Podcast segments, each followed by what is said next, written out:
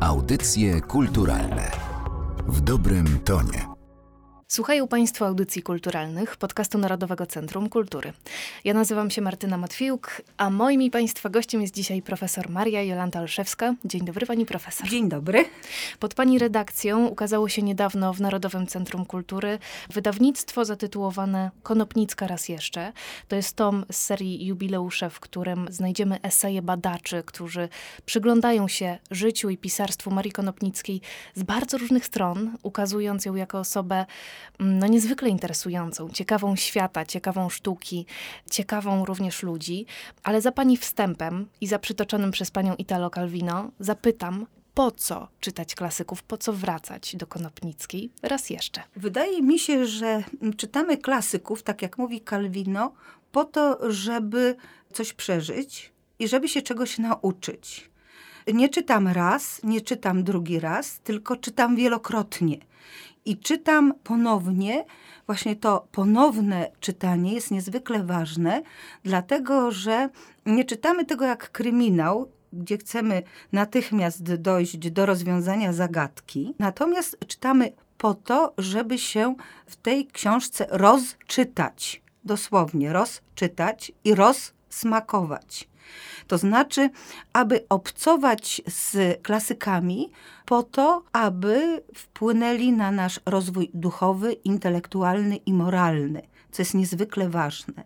Dlatego, że to jest ten typ lektury niepociągowej, tylko, jak to mówił Stanisław Wincens, tylko lektury szczególnej, czyli właśnie polegającej na takim obcowaniu i dialogowaniu z twórcą w celach wyższych, wyższej przyjemności estetycznej. I nie jest to lektura łatwa. Dlatego też łatwo oczywiście jest odłożyć daną rzecz i tak właściwie biorąc pod uwagę, że no, może ona już jest anachroniczna, może nie przystaje do naszej rzeczywistości, a jednak wracamy po to, aby przekonać się, że ten twórca, pomimo że żył tyle lat temu, ma jednak nam coś ważnego do przekazania.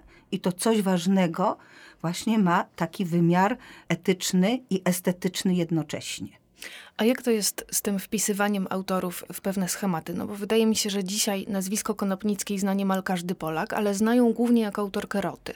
Ona pełni taką funkcję, przepraszam, pomnikową, prawda? Ewentualnie jako autorka tekstów dla dzieci. Ten obraz pokutuje dzisiaj. Tak, właściwie Konopnicka jest dalej nieznana. Pomimo, że jest autorką pomnikową i przeciętny Polak zapytany o klasyka wymieni na pierwszym miejscu Konopnicką, a potem Sienkiewicza, mhm. ale okazuje się, że jeżeli głębiej wniknąć w y, jej pisarstwo, to właściwie ktoś starszy jeszcze wspomni o naszej szkapie, która była w lekturze.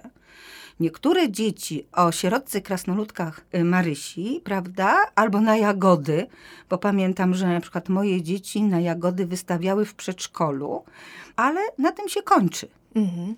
Nie ma takiej potrzeby zdobywania wiedzy na temat literatury poza kanonem szkolnym. I to jest dosyć przykre, można powiedzieć, dlatego też nasza rola polega na takim apostolstwie, że użyję takiego określenia nacechowanego, ale dosłownie apostolstwie, że idziemy z tymi tekstami, aby przekonać, że Konopnicka jest pisarką, poetką, dziennikarką, publicystką, działaczką społeczną, ale także kobietą o wielu twarzach. Bo w tej chwili znamy ją albo jako autorkę Roty, która uchodzi za najbardziej grafomański wiersz, jak chcą niektórzy, albo znamy ją z biografii, która jest biografią skandalizującą. Okazuje się, że owszem, były skandale w jej biografii, ale też na tę biografię można spojrzeć zupełnie inaczej. Jako na biografię kobiety, która walczyła o swoją tożsamość, o swoje miejsce w świecie, w świecie patriarchalnym i nie było jej łatwo, a proszę pamiętać, że była jedną z nielicznych kobiet, obok Gabrieli Zapolskiej, które utrzymywały się z własnej pracy. Ona nie tylko siebie musiała utrzymać, ale też i szóstkę dzieci, a także wysyłać pieniądze mężowi, którego nie kochała i od którego odeszła. A jednocześnie w tym świecie męskim, świecie literackim, przecież w redakcjach byli głównie mężczyźni. I to oni decydowali, co i kogo będą drukować.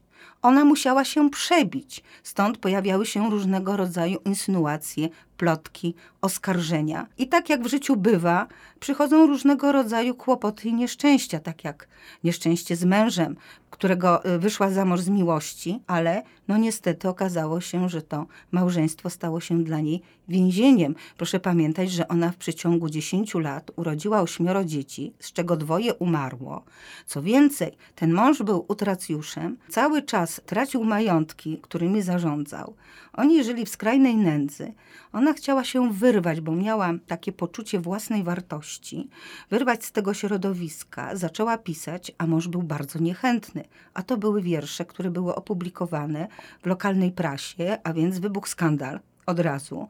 Jak to, prawda? Ona zamiast trzymać się roli matki i żony, tutaj jest literatką. To też nie było widziane w tych środowiskach pozytywnie. Potem opuszcza męża w roku 1876, zabiera szóstkę dzieci, pomaga jej ojciec, ale ojciec zaraz umiera, to jest 78 rok. I ona musi się sama utrzymać z pisania, z tłumaczeń i zdawania lekcji co nie było łatwe.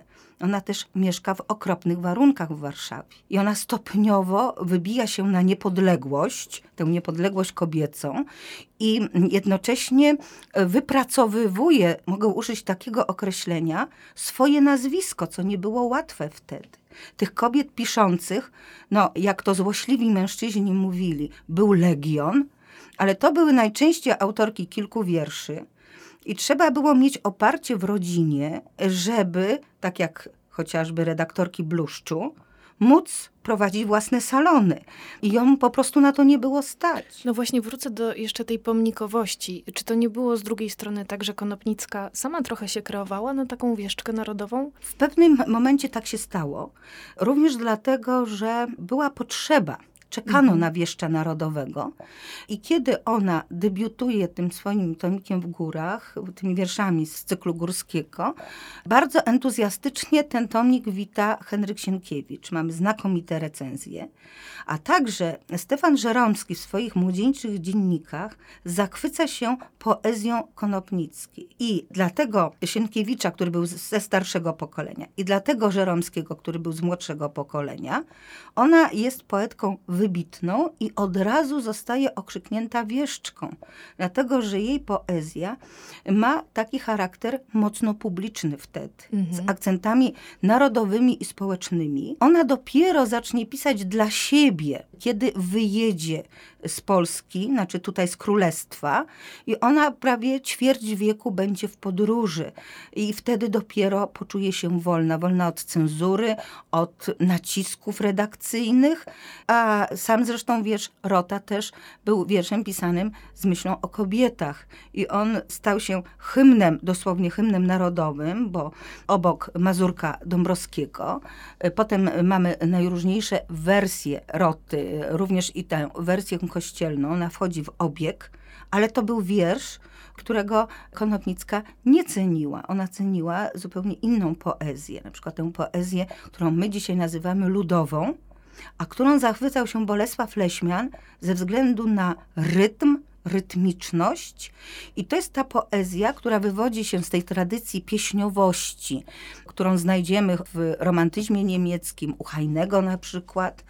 Heine był ulubionym poetą, albo jednym z ulubionych poetów Konopnickiej, obok y, poetów polskich typu słowacki, prawda? I ta kategoria pieśniowości polega na tym, że dźwięk rytm jest przed słowem. I te wszystkie jej wiersze, które są pisane na przykład na fujarce, na te wszystkie nuty ludowe, można porównać z muzyką Chopina, bo to jest podniesione, to co ludowe jest podniesione do rangi tego, co narodowe i nawet ponadnarodowe.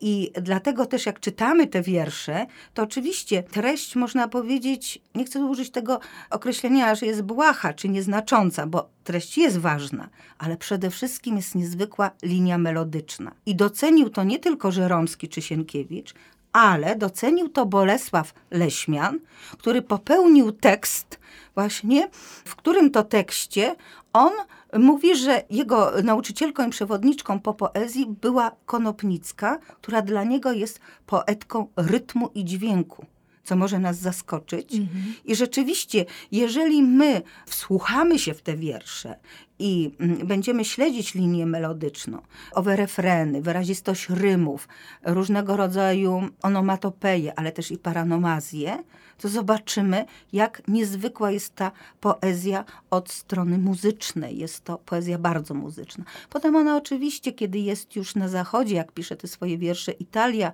to bardziej już tutaj jest na takim gruncie romantyzmu polskiego, bo to są przede wszystkim sonety, a więc mamy tutaj wzorce mickiewiczowskie sonetów krymskich, ale też i wzorce zachodnie. Gdzieś ona zbliża się do parnasizmu, Trudno oczywiście powiedzieć, że to jest parnasizm, bo parnasizm jest bardziej intelektualny, ona jest bardziej jeszcze klasyczna. Niemniej jednak już wtedy ta poezja staje się taką poezją bardziej wyrafinowaną, tak jak cykle tych wierszy włoskich, zwłaszcza ekfrazy poświęcone malarstwu renesansowemu, słynne Madonny, do których ona pisze wiersze, czy potem przepiękne sonety prowansalskie. Można powiedzieć, że jest poetką w podróży, ale w podróży w tym sensie, że podróż jest oczywiście czynnością, ale podróż jest również gatunkiem literackim. I ona tę podróż w poezji, tą podróż poetycką podnosi do najwyższego poziomu artystycznego. Te wiersze są mało znane. Ona potem też pod koniec życia już nie tyle porzuca ten parnasizm, ale wchodzi na grunt poezji mistycznej i metafizycznej. Pisze o ciszy, można powiedzieć, że wsłuchuje się w głosy ciszy. Ta cisza, tutaj zresztą można mówić o patronacie i słowackiego, ale także krasińskiego.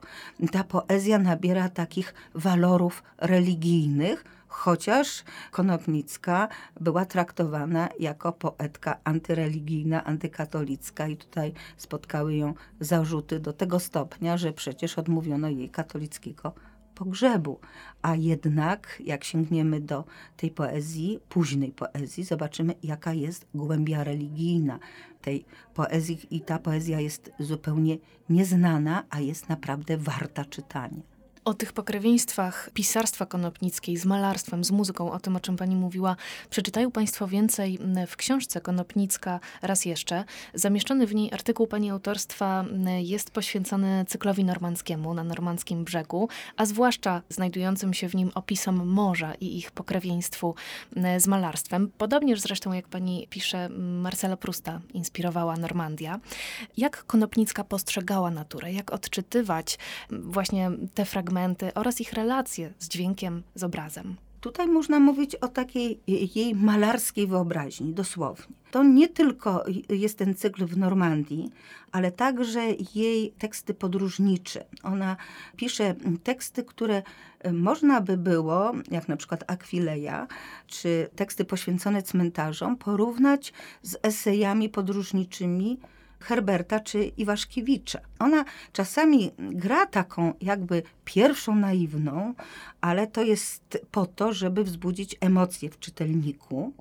I przede wszystkim w tych jej tekstach na pierwszy plan wysuwają się ludzie, wcale nie natura, tylko ludzie. Niemniej jednak, kiedy już dochodzimy do tych fragmentów opisu przyrody, one są niezwykle plastyczne, niezwykle ciekawe.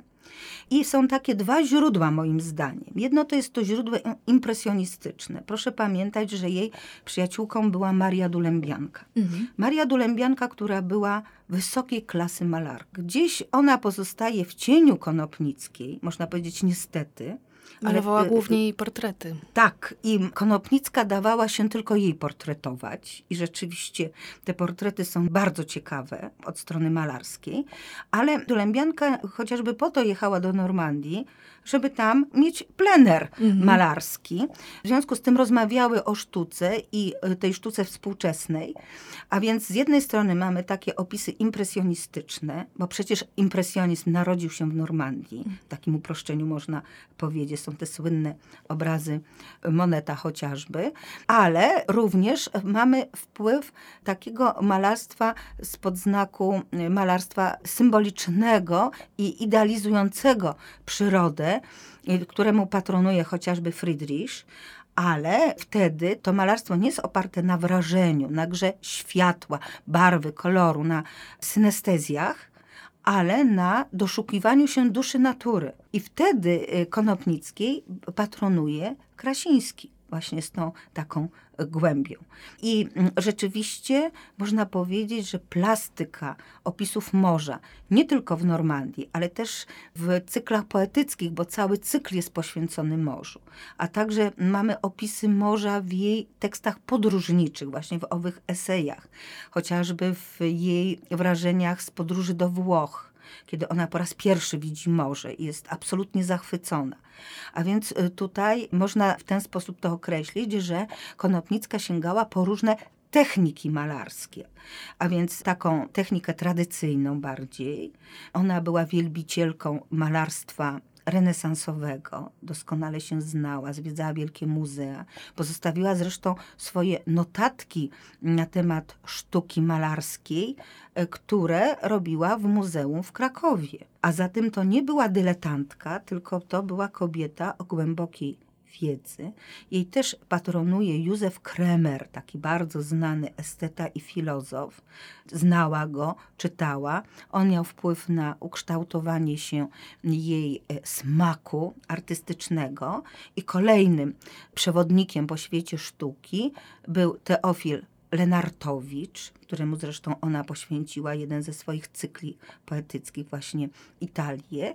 I oni ją wprowadzali w świat sztuki, więc ona patrzyła się na przyrodę okiem znawcy sztuki i stąd często można mówić o ekfrazach, które znajdujemy w jej twórczości, a więc jest to taka twórczość bardzo we fragmentach wyrafinowana, ciekawa i na najwyższym poziomie estetycznym. To jest y, niesamowite, kiedy prześledzimy jej życiorys, że ona do tej wiedzy docierała sama lub docierała z wielkim uporem wbrew temu, co dyktowało jej losy jej życia, zwłaszcza jeżeli uświadomimy sobie, że to jest druga połowa XIX wieku. Jestem ciekawa, czy spośród tych esejów y, zamieszczonych w tomie, któryś okazał się dla pani, badaczki, znawczyni, nowością, jakimś nowym spojrzeniem na y, życie i pisarstwo Konopnickiej? Dla mnie największym odkryciem była jej twórczość podróżnicza. Nie spodziewałam się, kiedy zaczęłam pisać o Normandii, oczywiście no, wykorzystując y, badania na ten temat, że są tak głębokie i ciekawe pokłady owego malarskiego spojrzenia na świat, że jest to proza, którą można zestawić z prozą Prusta z jednej strony, a z drugiej mamy te wpływy Flauberta chociażby mm. i Maupassanta, to jest wszystko w tych, w tych tekstach. To jest wielkie zaskoczenie, ale jeszcze większym zaskoczeniem dla mnie były jej eseje podróżnicze, w których jest zawarta ogromna wiedza o świecie, ale też i o sztuce, o architekturze, ale podana w szczególny sposób. Właśnie nie są to wykłady, bo proszę pamiętać, że w momencie, kiedy powstawały te eseje podróżnicze Konopnickiej, był pewien model podróży. I jeżeli weźmiemy do ręki chociażby teksty Adolfa Pawińskiego z Hiszpanii, czy wspomnianego już Józefa Kremera, to olbrzymie fragmenty tych tekstów, bardzo obszerne fragmenty o charakterze wykładów poświęcone są architekturze i sztuce. I one zastępują dosłownie podręczniki z historii sztuki. Natomiast u Konopnickiej jest to wszystko przepuszczone przez świadomość wrażliwej kobiety, artystki i poetki. I nagle ten świat, na przykład Akwilei, świat martwy, bo ona jedzie do miasta, które jest miastem martwym tak naprawdę. Czy kiedy zwiedza cmentarze, czy płynie przez laguny, ten świat ożywa dzięki jej spojrzeniu, wrażliwości. I okazuje się, że jeżeli tamte teksty dla współczesnego czytelnika są po prostu niestrawne ze względu na sposób prezentacji wiedzy o kraju, który dany podróżnik zwiedza, tak tutaj mamy e, coś niezwykle świeżego, osobistego, intymnego. I można powiedzieć, że ten świat jest przez nią interioryzowany i następnie przekazywany odbiorcy i razem z nią wędrujemy i ten świat zwiedzamy, a więc ta niezwykła odkrywczość tych tekstów podróżniczych, esejów podróżniczych, które, tak jak już mówiłam, możemy postawić obok tekstów Herberta Zagańczyka czy Iwaszkiewicza, e, Herca, tutaj te nazwiska współczesnych twórców podróżujących można oczywiście mnożyć, ale sposób pisania, budowania tekstu jest podobny, bo świat w tym przypadku zamienia się w partyturę do odczytania. I jak widzę i co widzę i po co widzę, prawda? Ten osobisty kontakt ze światem jest tu niezwykle ważny. I drugi taki krąg, który był dla mnie może nie tyle zaskoczeniem, tylko jakby upewnieniem się co do niezwykłej wrażliwości konopnickiej, to są jej krótkie formy narracyjne poświęcone poszczególnym postaciom, a zwłaszcza kobietom. Ona w sposób zupełnie niezwykły buduje portrety spotkanych kobiet. Od tak spotyka, można dosłownie powiedzieć, od tak spotyka po drodze, wędrując jakąś kobietę. Zaczyna z nią rozmawiać i wydobywa całą głębię psychiki, złożoności psychiki, być można powiedzieć, buduje takie fenomeny ludzkie dosłownie, bo od kobieta niczym się nie wyróżniająca, jakaś krawcowa, jakaś kucharka. No, można powiedzieć, lichy cięła wiek, jak to mówią w, y, Rosjanie w tej swojej twórczości, między innymi czy Turgieniew, czy Czechow. Właśnie ci lisi ludzie, tacy szarzy, pozornie nieciekawi, nagle okazują się fenomenami, czymś absolutnie zaskakującym. Ta umiejętność prowadzenia rozmowy, przekazania tej rozmowy w tekście, na kanwie tego dialogu, zbudowania tego bardzo złożonego portretu psychicznego człowieka, który pozornie jest, nikim się nie wyróżnia. No i oczywiście trzeci krąg to tłumaczenia. Się okazuje, że ilość tych tłumaczeń, sposób tłumaczenia, wiedza jej i wrażliwość jest niezwykła, bo z jednej strony ona czyta polskich romantyków i pisze o nich znakomite teksty, które potem zaowocują takimi szkicami krytycznymi, a także bardzo ciekawym poematem, mało niestety znanym, jakim jest Imagina.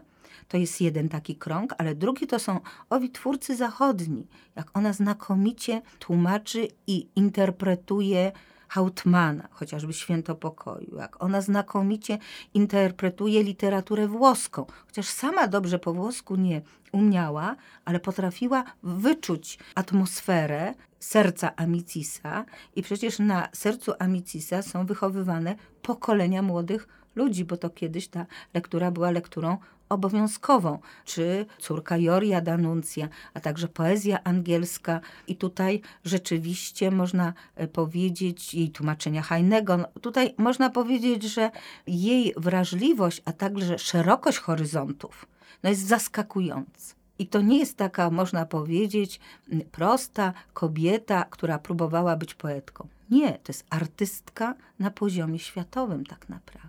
Zatem tych przestrzeni, w których możemy się spotkać z Marią Konopnicką na nowo, jest, jest kilka. Drogowskazami do tych spotkań mogą być eseje, które znajdą Państwo w tomie Konopnicka raz jeszcze. Ta książka ukazała się pod redakcją profesor Marii Jolanty Olszewskiej, która była dziś moim i Państwa gościem. Bardzo Pani profesor dziękuję, a przy okazji zapraszamy na spotkanie wokół tej książki, które odbędzie się 10 lutego w Muzeum Niepodległości w Warszawie o godzinie 17. Dziękuję bardzo, zapraszam i do widzenia. Audycje kulturalne w dobrym tonie.